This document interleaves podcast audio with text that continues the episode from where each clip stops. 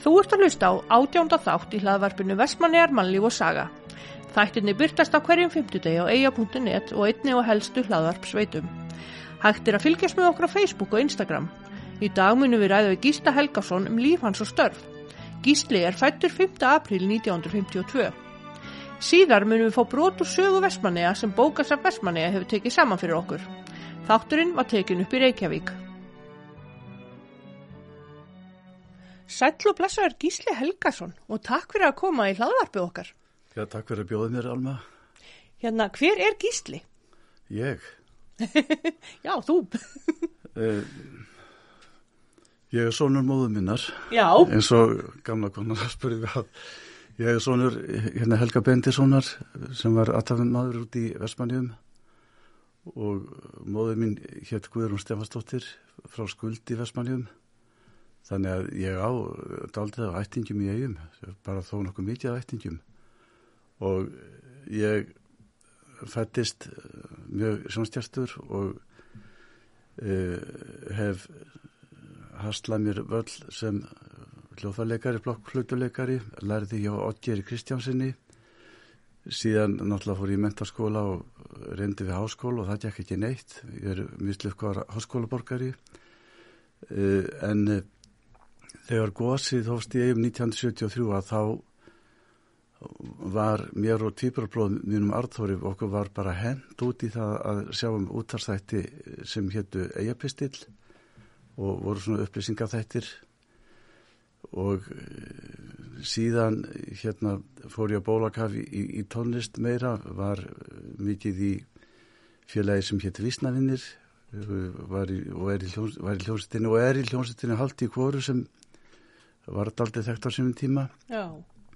Uh, ég hef spilað einn að aldrei af hljómblötum og bæði fyrir sjálfum og aðra og, og eins uh, þá hérna hef ég síðustu árin unni við hljóðbókardjærð. Ég byrjaði að vinna í hljóðbókardjærð 1974 mm. Þá fyrir borgarbókarsafn Reykjavík og síðan blindrafélagi og síðan hljóðbókarsafn Íslands. Og ég var nú annar frumkvöðlin að því uh, safnið. Það var Helgu Ólastóttir sem var þá síðan fórstöðumöður sem átti hinn uh, helmingin í uppástungunni. Og við náttúrulega fórum djössamlega óheðbunna leiри því að Helga fór að tala við mig hvort við ættum ekki að stopna blindrabókarsafn eða hljóðbókarsafn og ég náttúrulega tók því vel og við bara óðum byndir á þeirra og stungum upp á því að þetta er því gert og sjálfsögðu voru viðstipið í nefnd til þess að sjá, komið að sé framkvæmt og við föttuðum það ekki að við fórum djössamlega fram hjá yfirmönum okkar, hún vann á vegum borgarbókarsapsins við útlán hljóðbóka og, og náttúrulega glemdi því að, að borgarbóka var, hennar yfirmöður. Og ég glemdi því að formaður blindrafélagsins var minn aðesti yfirmaður þannig að það var alltaf vittlust og svona það tók viku Já.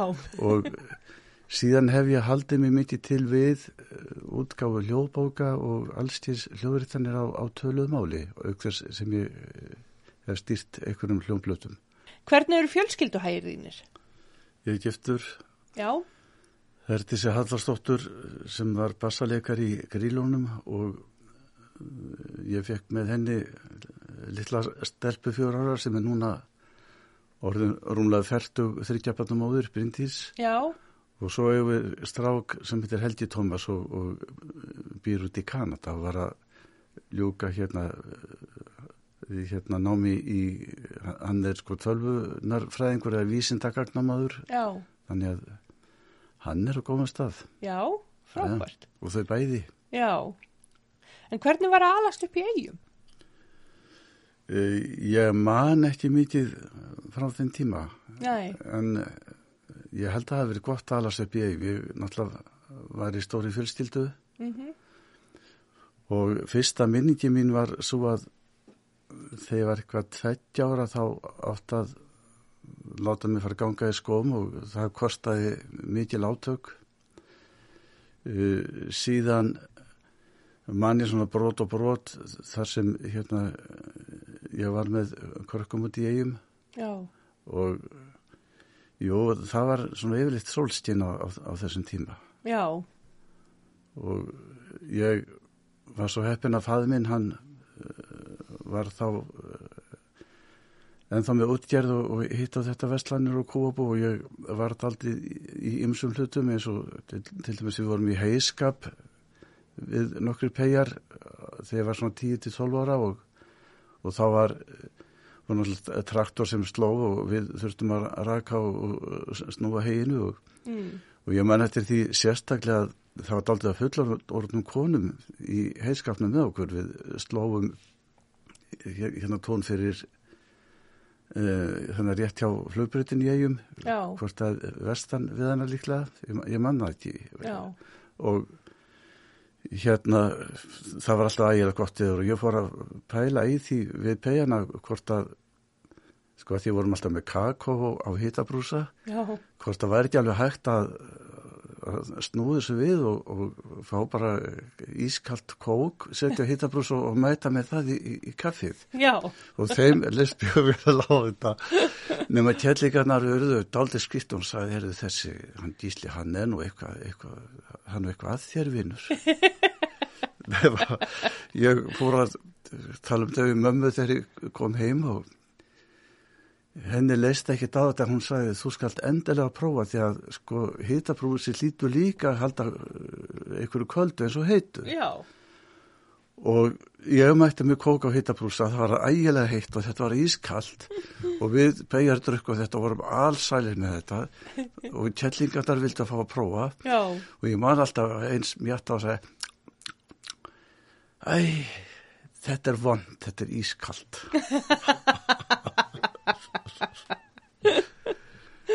En þetta virkaði greinlega, halda, halda kvöldu? Þetta virkaði og, og ég var, sko, máli var að þegar ég um, er síðan gammal þá hérna deyr eitt bróður minn úr, úr kvítblæði, heldjubróður minn og annar hafði dáið sko máður úr voðaskoti mm. og við áttum að fara í, í skóla þegar vorum sjóra sko, þá var náttúrulega komið ljósa við sáum ekki nú vel til að lesa þannig að þannig að hérna það var fengið svo kallar blindara kennari til leið til að uh, hitta okkur Já. en að því að bróði minn deyr þarna um, um hausti nefn var svo mikið veikur þarna Já. af kýtblæðinu þá tristi mamma sér ekki til að senda okkur söður Já Að svo deyr hann í ágúst 1960 og þá var ekki dundaði komist að, að, að fara söður og, og vera í blindarskólum í Reykjavík Já. sem var þá við Björgákvöldu átta og það var blindarvinnafélag Ísland sem rakk skólan og þetta var náttúrulega alveg makarist samfélag því að við P.R. vorum átt ára lang, lang yngstir Já og sá sem var næstur okkur var 16 árum eldri en við og vann sem skell sér símavörður hjá sambandi ísleiksa samfinnufélaga SÍS. Já. og hérna mjög stjæmtileg en hann hafði mist sjónina þannig að hann uh, lendi sprengjustlýsi og, og það tættist á hann hægri höndin og, og, og hérna hann misti sjón alfarið. Já og svo, svo var þannig að fætt fólk sem fætt um 1870 sko komin haft á týraðis aldur þegar við vorum þarna. Já, ok. Og þetta var aldrei förðulegt samfélag en, en þetta hafði þau áhrif á mér að ég var kannski aldrei svona já, kannski skrítin eða eitthvað þannig. Ég pældi mikið í hluturum Já. Og þeir krakkar sem ég þekkti út í eigum þá, ég eiginlega misti samband við þau því að við vorum þarna fjóra vetur Já. og síðan komum við til eiga 12 ára og lukum svo fullnaða prófið þar og, og svo fórum við gagkvaraskólan og lukum landsprófið og fórum svo aftur til Reykjavíkur í, í, mentarskóla Reykjavík Já. þannig að sko ég held að menn hafi uppkvæmt að það þegar að koma aðri sjónstyrti nefnendur á eftir okkur til, í eigum að, mm -hmm. að reyna að halda þeim í heimabið í, í staðs að senda þau í burtu. Já, upp á tengslirófningi. Já. Já. Og hvar gistu þau þá þegar þeir voru hinn í Reykjavík? Ég sko við, þetta var heima vist. Já. og hérna ég veit ekki hvert ég á þóra að segja reyna sög út af því.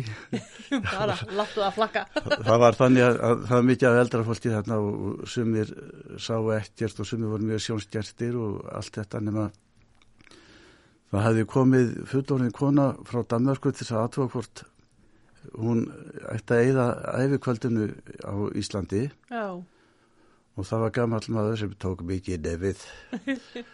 Og hann var daldið hrifin af konunni. Já, og þetta hús, hvað þetta er gammalt hús, þetta er byggt hvað 1900, upp á 1920 og, og það var maður sem hétt Jón Þorláksson sem var fossættisáðar og mjög þekktur maður sem átti þetta hús. já, ok. Nefn að svo fór að bera á umgangi um næturnar, Mm. það heitist gengið honum í kjallara og upp á loft og svo fór menn eitthvað að ræða þetta og þá sagði þessi gamli maður, uss, það er ekki þetta marketa, þetta er bara Jón Þorláksson að, að tóka með húsið sitt. nema hann bjónir í kjallar á konun upp á, upp á lofti. Já, nema svo einn daginn þá heyrist umgangur og svo er farið upp á loft og svo heyrast skadraðis veginn já, og náttúrulega þau sem sá heimlega rúk upp og fór upp á loft og veginn bárust úr herbyggi konunar já, og þá hafði kallgarið farið að hérna lagst hjá henn og farið að gera sér til í ákveðnum stellingum. Og þar sem hann búin að hagraða sér, hagraða sér ofan á konu þá fekk að þursa bit æj, æj, þannig að það þurfti að sprauta niður til þess að losnaði ofan á konni þannig að þetta leini samband varði ekkert leini lengur. Nei, þau nautist til að gifta sig. Já. Og það er hýpislegt svona sem mann og einhvern tímann ég var þá eitt sem var ég byrjar að læra á blokklötu hjá Kristjánsinni já, og náttúrulega hafði flautunum með mér til Reykjavíkur og lengdi í, bardaga slagvinn vinnmir sem var að norðan og ég tók náttúrulega flautan og, landana alveg í hausi með flautunum og, ég menna að flauta var tekin að mér í viku. Já, þannig ég hef ekki notað hana sem bara eftir síðan. Nei, ekki þóra því. Ertu ennþá að flauta? Að spila blokklötu Já, það er náttúrulega mitt aða hljóðfæri já. Spilar á fleiri hljófæri? ég spila illa á, á hérna ég spila illa á munnhörpu Já, og lefum stundu slagverk já, er ekkert sérstakur í því nei. Þú ert mjög góður að flauta. svona þokkalegur Já, mér fyrst það allavega. já, takk fyrir það En hvernig barn varstu, ólingur? ég veit það ekki, Nei, það er annar að dæmi um það. Já, en mér er sagt að ég hefur opaslega þrár. Já, og mamma sagði mér frá því að ég vildi halda mínu sæti fyrir borði og vinkondarinnar komu til næra og ég kom inn og hefði sæti sætir mínu þá gekk ég og gerði svona ítti svona og þannig að það eru að færa sig ég hef alltaf verið svona mjög þráður og, og fylgdinn mér. Já. Það er nú bara fínt sko líka. það getur verið gott á sumiliti en, en óþólandi á, á, á stundum. Þannig að ég ég hef verið sko uh, það, það mér fannst alltaf verið óbúslega harka í minni ætt. Já, uh, sérstaklega el, eldri bara öðrum mínum nema þeim allra elsta. Já, og það er kannski ímsar ástæður sem, sem þessi harka skapast út af en en, en hérna ég held að ég hefði, ég fæði mér sagði alltaf að ég hefði erft skap móðu minna því að hún var afskaplega ágætt kona, svona frekar eh, mjúk mannistja en, en eh, sko þegar að eitthvað bjátt að sko þá var hún eins og klettur. já. Það er líka bara fínt er það ekki? Jó, það er náttúrulega, það er bara gulls í gildið að að hafa eitthvað sem heldur hlutum saman og, og, og uh, skapa hjáta hjá allt saman. Algjörlega. Hérna, hvenær byrjar að vinna og hvar? Sko, ég náttúrulega byrjaði að vinna 10-11 ára þegar ég var hjá pappa Já, og ég var alltaf á, á sumurinn út í eigum og, og síðan þegar ég hvað eh, lík, fyrsta bekki að þriða bekki að mér að þá fer ég að vinja hjá samvinnutryggingum. Var þá á símanum í nokkuð sömur og var svo hjá sambandinu var fengið þanga á, á stiftuborðið mm. og svo náttúrulega 1973 í, í góðsunu þá var ég komin í háskólan og, og reyndi við lögfræði og reyndum það að vera lögfræðingur en námið var náttúrulega fyrirfram vonlöst að því að það var engar til, bækur til og þetta var lesið fyrir okkur já, eða mig. Og ég var aldrei neitt sérstaklega námsmaður, best að segja það eins og er. Já, og uh, þá kom við eigapislandi til og, og uh, þá eiginlega var það þannig að ég fór að á bólakafi í fjölmiðlun og hef eiginlega verið mikið til í því síðan og sá sem fekk okkur bara að verið, þetta var Stefán Jónsson, fadir hérna Kára Stefanssonar, hins eina sanna já, og uh, hann var mikil fjölskylduvinnur þannig að ég áýrunni Stefáni gríðarlega mikið að þakka. já. Hérna, hvað voru þið lengi með hérna þættina á rúf? Ég er ekki svo tarpinu, Já. sko þeir, sá fyrsti fór í loftið 7. februar 73 Já, og uh, sá síðasti fór í loftið 21. mars, 25. mars 74, sko þetta var já, á hverjum degi til að byrja með, með síðan sexinu vikum og svo fekk hann í tvo og, og einn í viku. já, Þannig að þetta var gríðarlega vinna fólkið í þessu. já, ég get alveg trúa því. Og voru þetta langi þættir? Þeir voru svona frá 15 myndum upp í 25-30 og, og ég taldi það saman að þetta örðu sko rúmlega 260 þættir Já, og það hefði tekið svona um 90 klukkutíma að hlusta á alla. Já, og hérna ég held að sé varðvittir eitthvað 51 þáttur hjá útvarpinu og, og síðan afritaði ég, ég afritaði úr útvarpinu eitthvað rúmlega 30 þætti þannig að nú er þetta allt saman til á netinu og eins í stjálarsvöndi Vestmanniða mhm, og þetta er allt skráð og, og efnistekið. mhm. Þetta eru, já, ég hef, hef hlustað á nokkra þætti. Þetta er mjög skemmtilegt efni. Já, okkur var sagt að reyna að halda upp í humornum sem við Já. reyndum hvað við gátum. Já, nei og bara gaman líka að hlusta svona á þetta í dag eftir 40 og hvað næstu í 5 ár. Sko, menn hlæjaði núna að það voru sko tilkynningarnar eftir, eftir hérna svörtum plásspókum. Já, Samir það þegar einhverju öllist eftir svörtum plásspóka og meðal annars voru í henni í pókan sko rúmföt, já, uh, bollastell og, og hérna borðbúnaður, já, um, nærbuksur og norsk biblía. já, Vi, við hlæjum að þessu núna stílu. já. Nei, já, væri nú gaman að hlusta á þetta, þess að þetta aftur. en hérna, ferðu mikið til eiga? E, nei, ég ger nú ekki mikið af því. Ég hérna, var alltaf mikið í eigum ég, þegar við, vorum í hljónsettinni haldi kvoru að spila á, á stað sem hétt Milluhóll Já, og hérna e, svo, jú, mér finnst ég alltaf þurfa að eigast eitthvað erindi til að ég, það er ekki mikið samband á milli mín og, og þeirra sem búið í eigum því miður. já. En finnst þú að hafa grætt eitthvað á því að hafa fæðst og alist upp í eigum? Já, ég, ég var ekki sama maður ef ég hefði aðeins upp ykkur starf annar staðar. Nei. Það er náttúrulega alveg klárt. Já, Og sko þegar á reynir þá standa eigamenn voðalega vel saman mhm, en það er í svona samfélagum það myndast oft svona hópar og, og svona leiðinda á milli því miður en já, já, ég hef svona tekið það kost að reyna að muna það skemmtilega en, en, en gleyma því sem var eitthvað leiðilegt þannig að borga sér ekki þar að púka upp á það. Nei. En fannst þið vera mikil breyting á lífinu í eigum sem sagt núna og þegar þú varst ungur? Já, Já, hvernig þá? í eigum þá þekktu allir alla Mm og svona þetta var mjög lítið samfélag og maður fekk að vera bara frjáls. Já, en svo náttúrulega breytast hlutinir eftir, eftir því sem árið líða og, þegar ég kem til eiga sko þá náttúrulega þekk ég eftir mjög marga. Já, og líka ég þekki ekki fólk á andlitum þannig að það gerir mér aldrei erfitt fyrir. Einmitt. Og ég fekk ofta að finna fyrir því þegar ég var krakki. Já,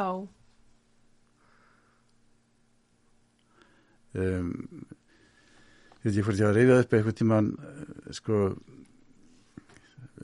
ég eiginlega fattaði ekki að ég var sjóndabbi fyrir ég var svona fjóra, fimm, sex ára. Já, af því ég var bara vanar að vera eins og ég var. Já, já, og einhver tíman þá sko ég seldi talt mikið að blöðum að bara blöð þegar ég var krætti og þegar ég var 5-6 ára þá þá hérna fór ég inn á bílastöði í Vestmanniðum, mm. mannstu hvað hún var? Já, og ég geng inn í sarinn og þá standa menninur upp og stilla sér upp. Mm.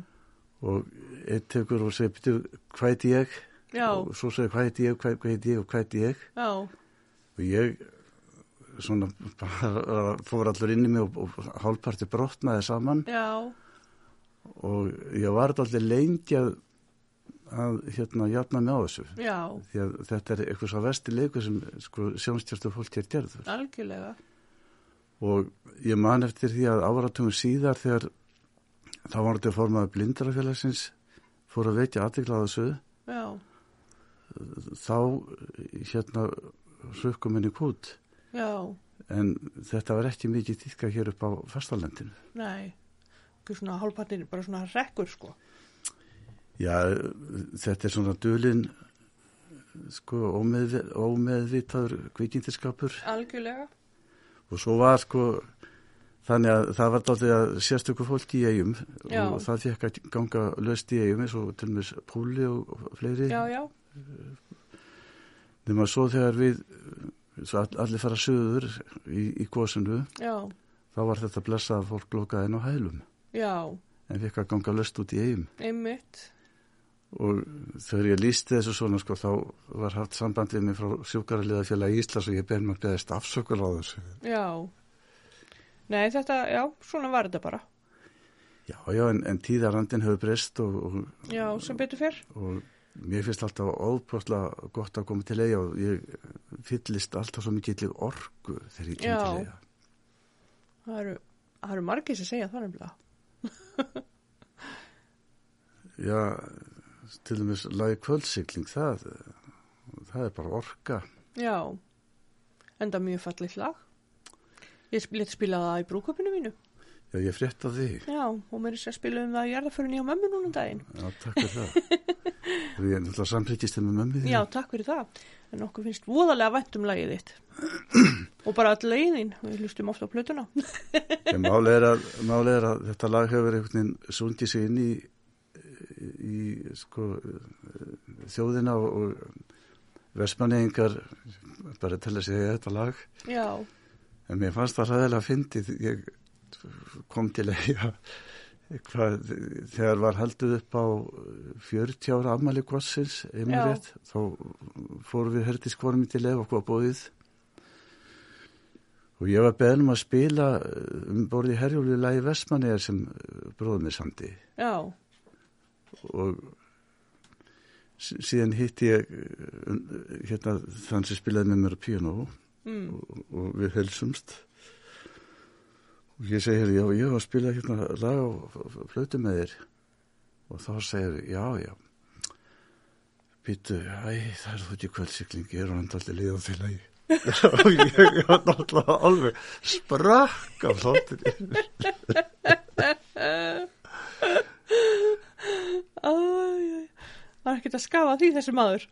Nei, nei, en, en, en, en það, sko, en það, hann var alltaf skrítir, en ég minna þegar lag er of oft spilað, Já, að- að þá kannski finnst mann að það sé alltilega að spila eitthvað önnulög. já, já, En svo er líka text eins og fallegur við lagi, sko, Já. hann fellur svo vel að því eftir Jón Sigursson. einmitt, virkilega fallegt. Og þegar ég sé, sko, textan fyrir mér, hérna, eh, þá finnst mér eins og það sé verið að lýsa, sko, lífsflegjun eða, eða lífsgöngunni eða lífssiklingunni. Mm að því sko skipi líður framhjá. Einmitt, og þar sem er ennþá von um haf og land. Já, algjörlega, og svo er líka annað í þessu að, að sko lægið kom bara bynd úr hábungu heimaklæts og ég, ég hef aldrei orðið fyrir svonlóð áður og, og hann hefur sagt mér óleikar ens mm, sem var hafði bóðið mér á, í, í siglinga á þess að tilminnum að já, ég spurði hann að því hvort það væri rétt að hann hefði verið á bátnum eða Hjálmar Guðnarsson Hjalli á vegamóti sem var, var einmitt, og Óli sagði sko ég var með þér á bátnum og ég gleymi því aldrei því að þú þú varst ekki með sjálf þá lappaði upp á land. Já, fengið svona innblástur bara, það var eitthvað. Já, það er alveg magnað, og það var eiginlega sko mákona minn Bryndís Já. sem var gift Pálubróðu mínu sem gaf mér næði til þess að, að klára þetta. Já. Ertu mikið að semja tónlist í dag? Það tók alltaf upp eitthvað eitthvað lög. Já, en ég hef bara ekki syndi því að ég hef bara nóg að gera í öðru. Já, og síðan sko er tónlist eins og ég sem, sem er svona mikið til instrumental. Já, hún fæst ekkert spiluð í útastöðum nei, það er svolítið, já, það er náttúrulega, vilja allir bara hafa eitthvað söngteksta og geta sungið með. Já, ekki bara það sko, þetta bara, ég veit ekki hvaða við, viðþorf það, eh, hvað, ríkir, það er alltaf einhverjir sem telja sig að hafa vit á tónlist sem eh, finnst að, að instrumental tónlist eigi ekki að heyrast. Já, en við erum mjög misjöfn sem betur fyrr. Já, já, það, allar skoðunar eru rétt á sér. Já, en hérna finnst þér eitthvað ábótavant í Vestmanneum? Er ekki allstaðar eitthvað ábótavant? Jú, að vísu. en ekkert svona eitthvað sem að stendur upp úr. Að ég veit það ekki, ég, hérna, okkar á maður að pæli því. Það er spurning, sumir pælaði því og aðrir ekki. En En er bara ég, svona- sko, ég, ég er ekki það mikið í eigin þannig að ég get bara ekki dæmt um það. Nei. En hvað ert að gera núna, sér sagt? Já, við erum að framlega hljóðbækur Já, og hérna við erum að uh, framlega hitta þetta fyrir hinn og þessar sem sko lesið mál já, og síðan erum við aldrei í því að afrita gamlar plötur, segulband já, og kassettur yfir á stafrænt form. Þannig að það er ímisverkefni gangi. já. Alltaf nóg að gera. Já, þannig, já, já, við kvörstum ekki yfir aðgerðleysi þannig, Nei, alls ekki.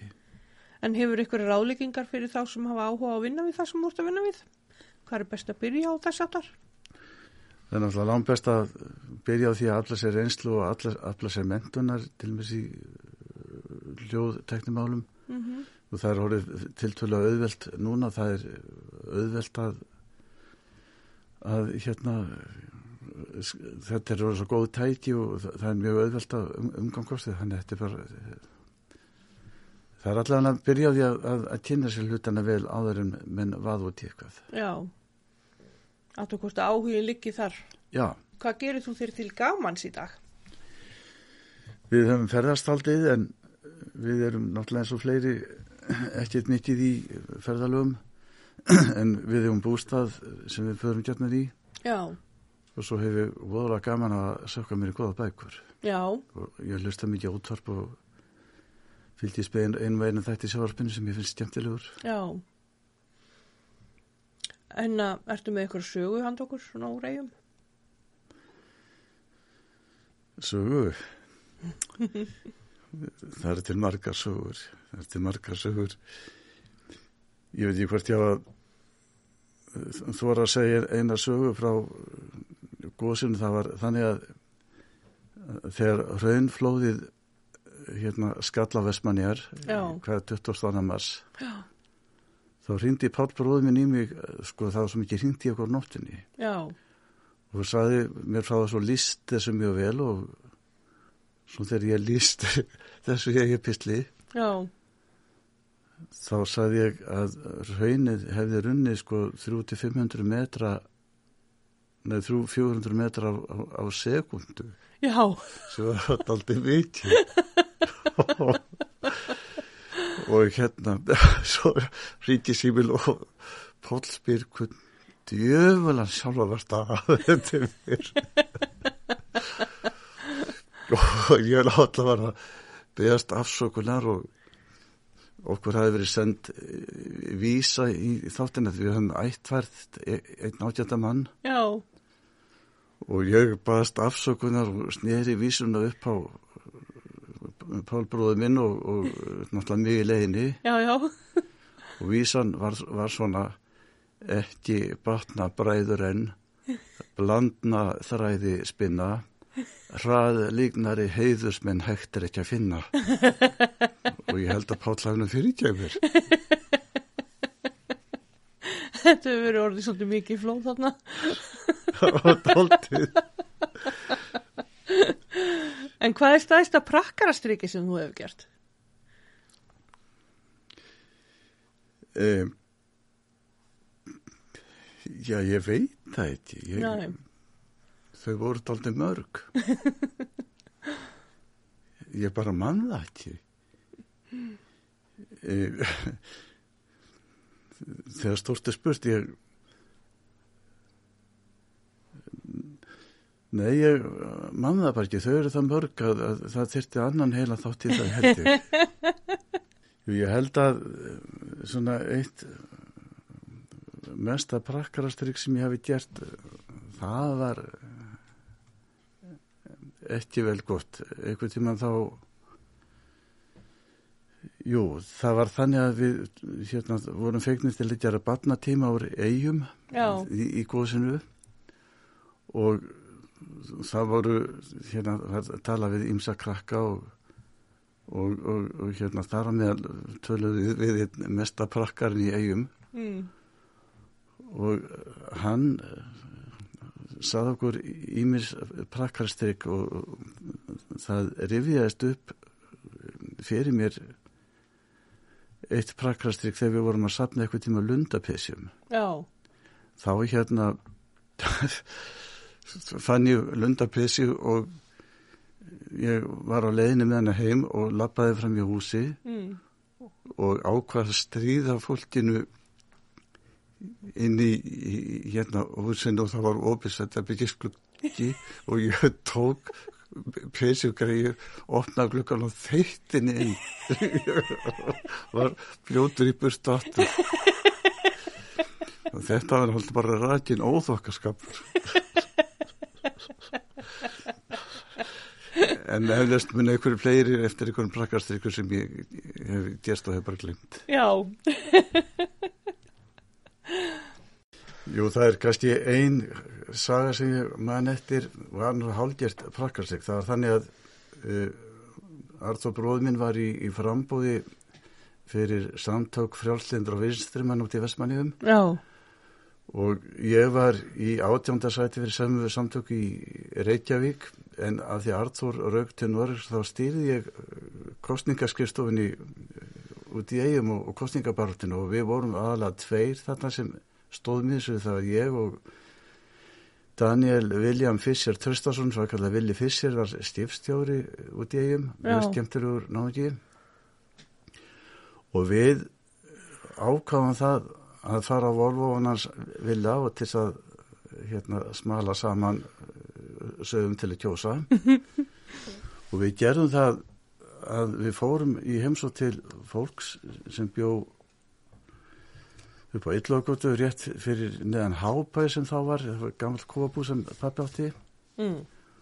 og fengu þau til að kjósa og kallin kom með okkur að kjósa og átti það til að vera alltaf blöytur og við lofum hann því að hann fengi það rætilega borgað ef hann tísi rétt. Já, og sögðum þú verður að kjósa F.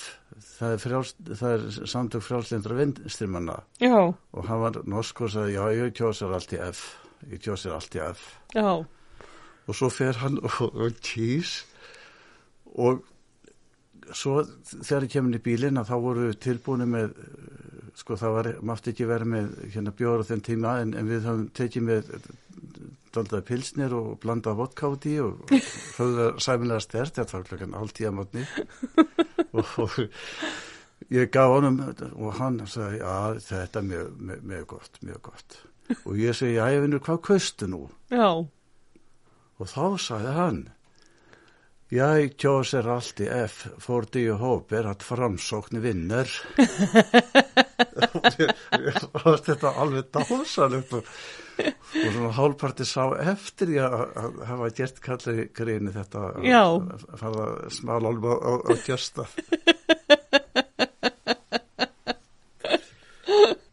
Er eitthvað meira sem vil deila með okkur? Já, ég held ég hef dilt alveg nógu með ykkur Já. og vonandi að þetta að menn endist til að hlusta á þetta. Ég býst nú ekki við öðru sko. Ha. Við þakkum við bara kellega fyrir að hitt okkur Já, takk fyrir að bjóða mér. og hérna aldrei að vita um við höfum samband við þið aftur og fáum að heyra fleiri sögur. Já, það eru til miklu fleiri og góðir söguminn heldur ég. það er no- nokkuð vist, en, en takk fyrir mig. Já, takk, takk.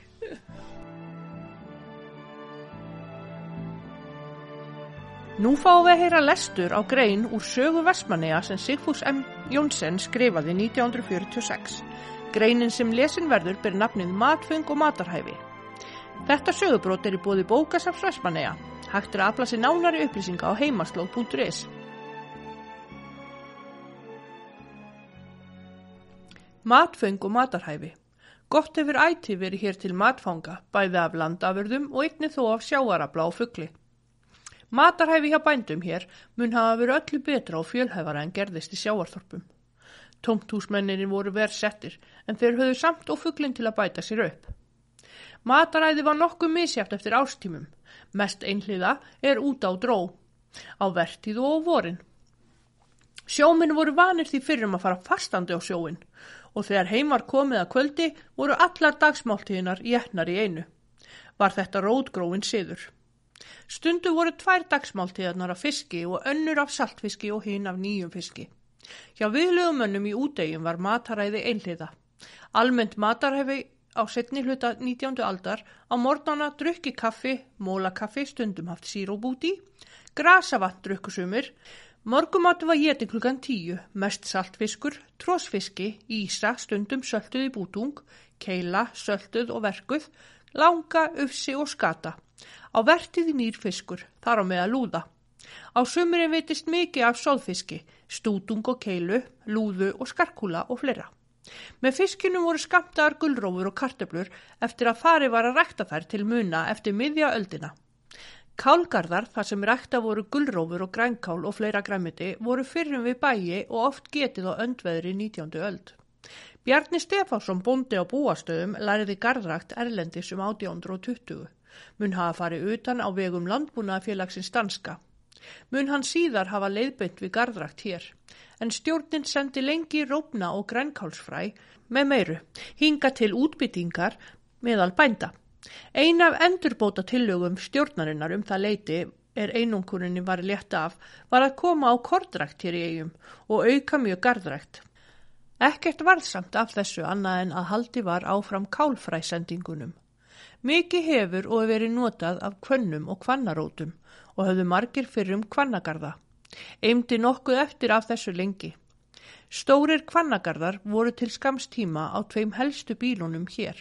Á setni hluta átjóndu aldar var einum bónda hér, Halli Hróbjartsinni, á búastöðum veitt velun af stjórninni fyrir framkvæmdir í jarðrækt. Kartöfluræktun hér hóf fyrst Jóhanna Róet, veitingakona um 1850.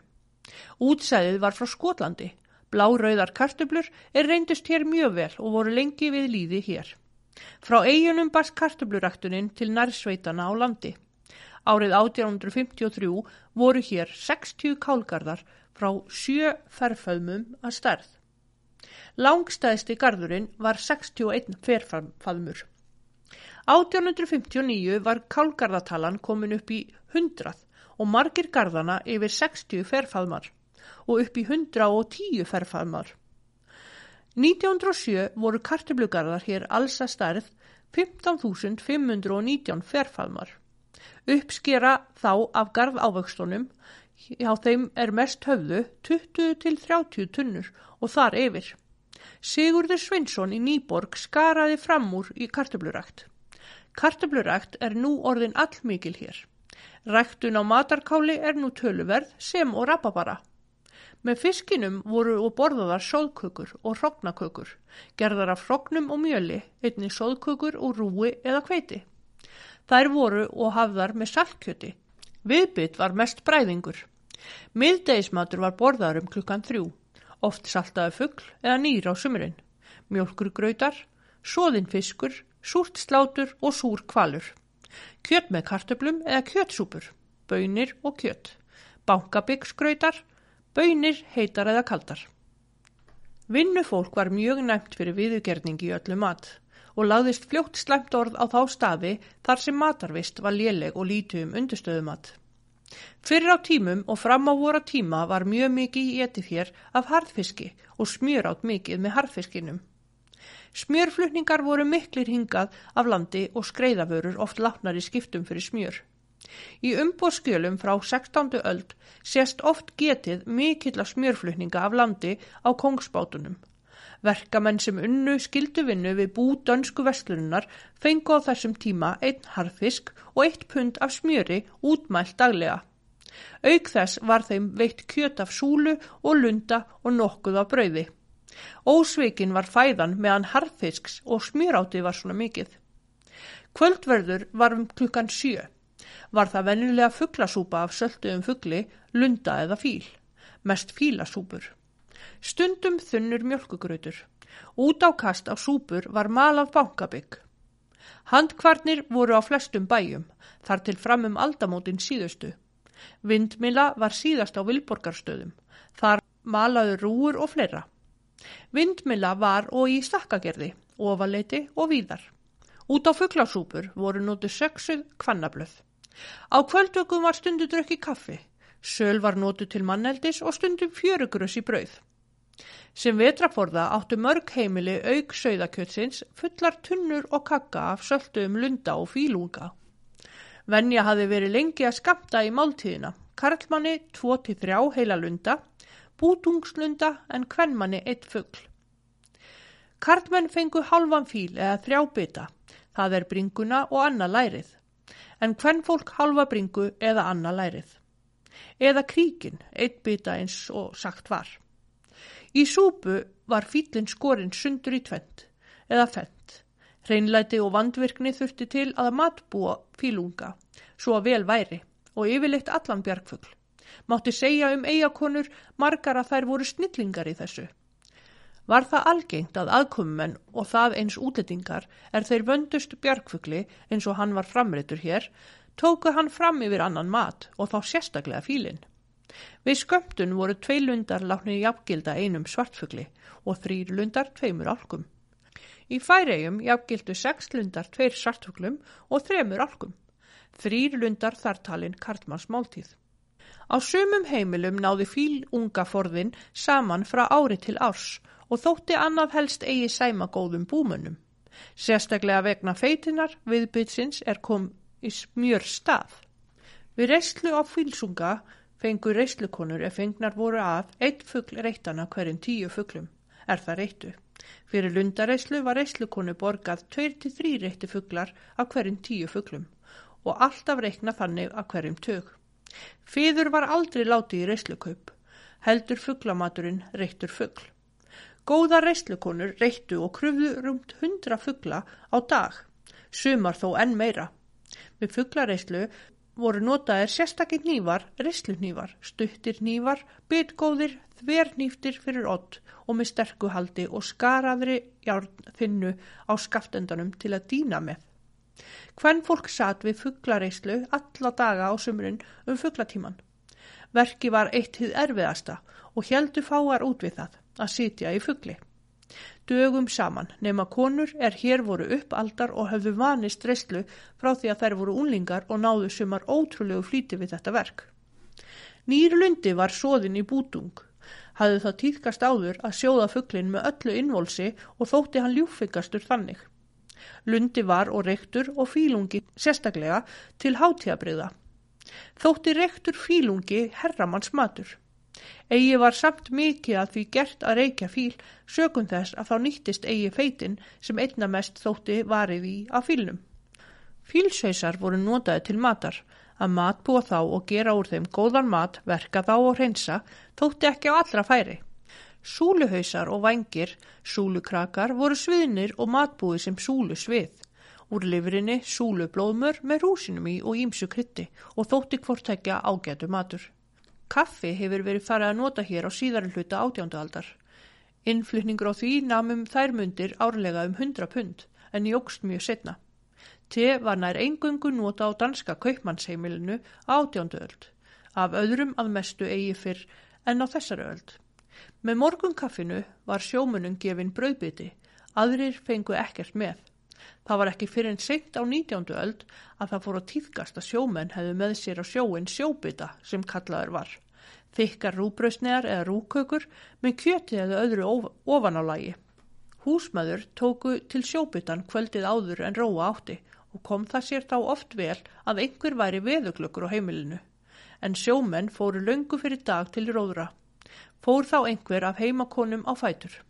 Hinn gamli síður að hafa eigi með sér mat á sjó er talinn fornnorræn. Þetta týðgæðist til dæmis eigi fram á okkar tíma hjá sjómönnum á vestuströnd Jótlands. Brauðveitingar með kaffi af mörgum kallað góðgerðir, kökur og sætabrauð þekktist hér eigi nema á háttíðum og tillitugum. Í útráttarveislur voru bakar stórar jólakökur. Búðarbrauð, hagaldabrauð, skonrók með sírópi var haft með kaffi. Á sumum heimilum var hér kökugerðarlistin, sætabrauð, allskonar tertur og bakkelsi af ymsu tægi, komin svo langt að þar hefur ekki verið farið fram úr setna. Eiginlega köku og brauðgerahús voru eigi stoppsett hér fyrir neftir aldamúndin síðustu og starfa nú þrjú hér. Brauðabakstur fyrir vermenn á vertíð letu vestlaninnar hér starfrækja á setni hluta fyrir aldar. Littlu brauðgerahúsi var komið upp um 1880 og þar bökuð engungu rúbröð og aðeins starfrækt um vertíð. Lögðu veiðskiptamenn sjálfur til mjölið. Vindmillan á Vilborgastöðum malaði kort fyrir eigabúa. Sjómunum var fært kaffi á lendingarstað er þeir komið af sjó og var hafð góð gát á bátum svo hægt var að færa mönnum kaffið heitt. Sjómenn drukku kaffið í öllum skinnklæðum áður en skipt var og skip sett upp. Í setni tíð var hafður biti með sjókaffinu. Fólk ofan að bæjum flutti með sér kaffibrúsa að heiman og fekk þá hitaða hjá tómthúskornum niður í sandi og þægði þeim fyrir í fuggli á sumrum. Til viðbits var smjör og tólk en aðalega bræðingur. Smjör var fengið í skiptum af landi fyrir sjáarafurðir, svo sem og kæfa, smálki og tólk eða keift fyrir peninga. Í bræðing var haft tólk og lísi allskonar, lísisbræðingur sellísi, nýsulísi, þorskalísi, kvallísi en algengast var samt að hafa fílungafeiti sama við tólkina, fílafeitar bræðingur. Var hann búin til að feitinni sem ranna fílnum við söðu en eigi að fíla mörnum. Fílafeitar bræðingin nótuðu mörg heimili árið um kring, engum handa börnum og lingum, líkt og svínafeiti er nótuðu erlendis. Vegna feitmetisins sældus menn til að láta fílabyrðirnar ná saman árlega Smjörlíki þekktist eigi fyrir en eftir aldamótin síðustu. Af fiskfangi notaði fólk og kútmaga er voru framrættir sem mjölmagar eða livramagar með tómri lifur eða mjöli nóða saman við. Rogn og greppar og livræður hausar voru og í uppáhaldi, sérstaklega nýjir lúðuhausar og rafabelti af lúðu. Rafabelti og höfukinn gefur drottin Guðminn. Súsaðir sundmagar, Signir þorskhausar, svilur þorski, höfðu og verið nótu til matar, sóðin og súsuð, að minnstakosti harðræðum, en þótti lélögu matur. Að fiskmyndi mátti vennulega hver neyta eins og hann listi, þótt hverjum væri skamtað. Bjargfuglaeg höfðu menn framann af sumri, voru þau lögði salt og skömmtu meðan til endust til morgunverðar eða miðdeisverðar, þrjú til fjögur ekka mann. Ekkakökur voru og búnar til úr bjargfuglaegjum, þóttu þau salgæti. Um jólamatinn er skamtaðu var sér í lagi er áður talað. Átmatinn, kjött og fisk tóku flestir fram yfir vökfun. Þetta týðgæðist hér áður að húsmóðurinn skamtaði hverjum heimilismanni matsinn á málum. Sameigilegt borðhald týðgæðist eigi fyrr en á síðari tímum. Fiskmeti, sóðfiski, trósfiski, blöytfiskur borðaði nýr eða hengtur upp á útitrunur og láti slá í hann, þótti mörgum hangin eða visaður fiskur betri en nýr. Þorskur er var aðal útflutningsvara, var aldrei notaði til matar, myndi slíkt hafa verið talin ærin búskussu háttur. Harðmeti, hertur matfiskur, skata, riklingur, ísa og stúdungur minna um steinbít var fyrrum og fram á vora tíma geimt í fiskbyrgjum hátt upp í hömrum. Munu þessi fiskbyrgi vera með eldstu fordlegum hér á landi. Fiskur var geimtur á rám og stögum í kórum og skvompum utan í bergi. Laungu hertu menn á haustin nokkru eftir höfudag. Var hún fyrst visu á trónum og síðan sett upp í byrgin. Skatan var hengt upp úr sjónum og rist á börðin, er hún var búin að hanga nokkuð. Sumir kösuðu skötu áður en hún var hengt upp. Öll smálúða var hert en sjaldnar stórlúða. Hákarlsátt var hér lítið og lítið verka af hákarli þeim er hér veitist. Fóskhausar voru allir hengtur upp á trönur, tveir og tveir á hausabandi og hertir. Hausarni voru klopnir upp hálf þurrir. Sumi letu þorskhauðsa liggja í kös í viku eða meira áður en þeir voru hengtir upp. Þóttu þeir þá bráðbetri og meirari. Yfirleitt höldu menn kasaðan fisk öðrum betri og vildu eigi öðrisi verkaðan harfisk. Í vöru skiptaveslun var 100 af þorskhausum láti fyrir 10 merkur af smjöri. Um 1870 kostaði fjörðungurinn af harfiski, matfiski, þrjárkrónur eða sama á fjörðungurinn af hangikjöti. Einvægt af verkuðum fiski var látin fyrir fullorna kind. Haldt annað hundraða þorskhausum fyrir gemling. Sóðfiski þótti mörgum betra hangið eða visað. Þorskur var aldrei notaði til matar nema úrgangsfiskur. Á sunnudögum höfðu margir kjöt til miðdeisverðar. Salkjött, sóðið með karteblum eða í súpu eða sóðbönum. Á hausti nýtt kjött sóðið eða steikt. Á sumrin var hétti nýrfugl. Vín var haft með höndum er mönnum var haldinn glaðningur og í vislum. Oft var kvartað við drikkjuskap í Vestmannegjum, stöðum og slángri manna í verslunabúðunum yfir vinkrananum eins og komist á orði, meðan vín var selt í staupum hverjum sem vil, hafa vildi.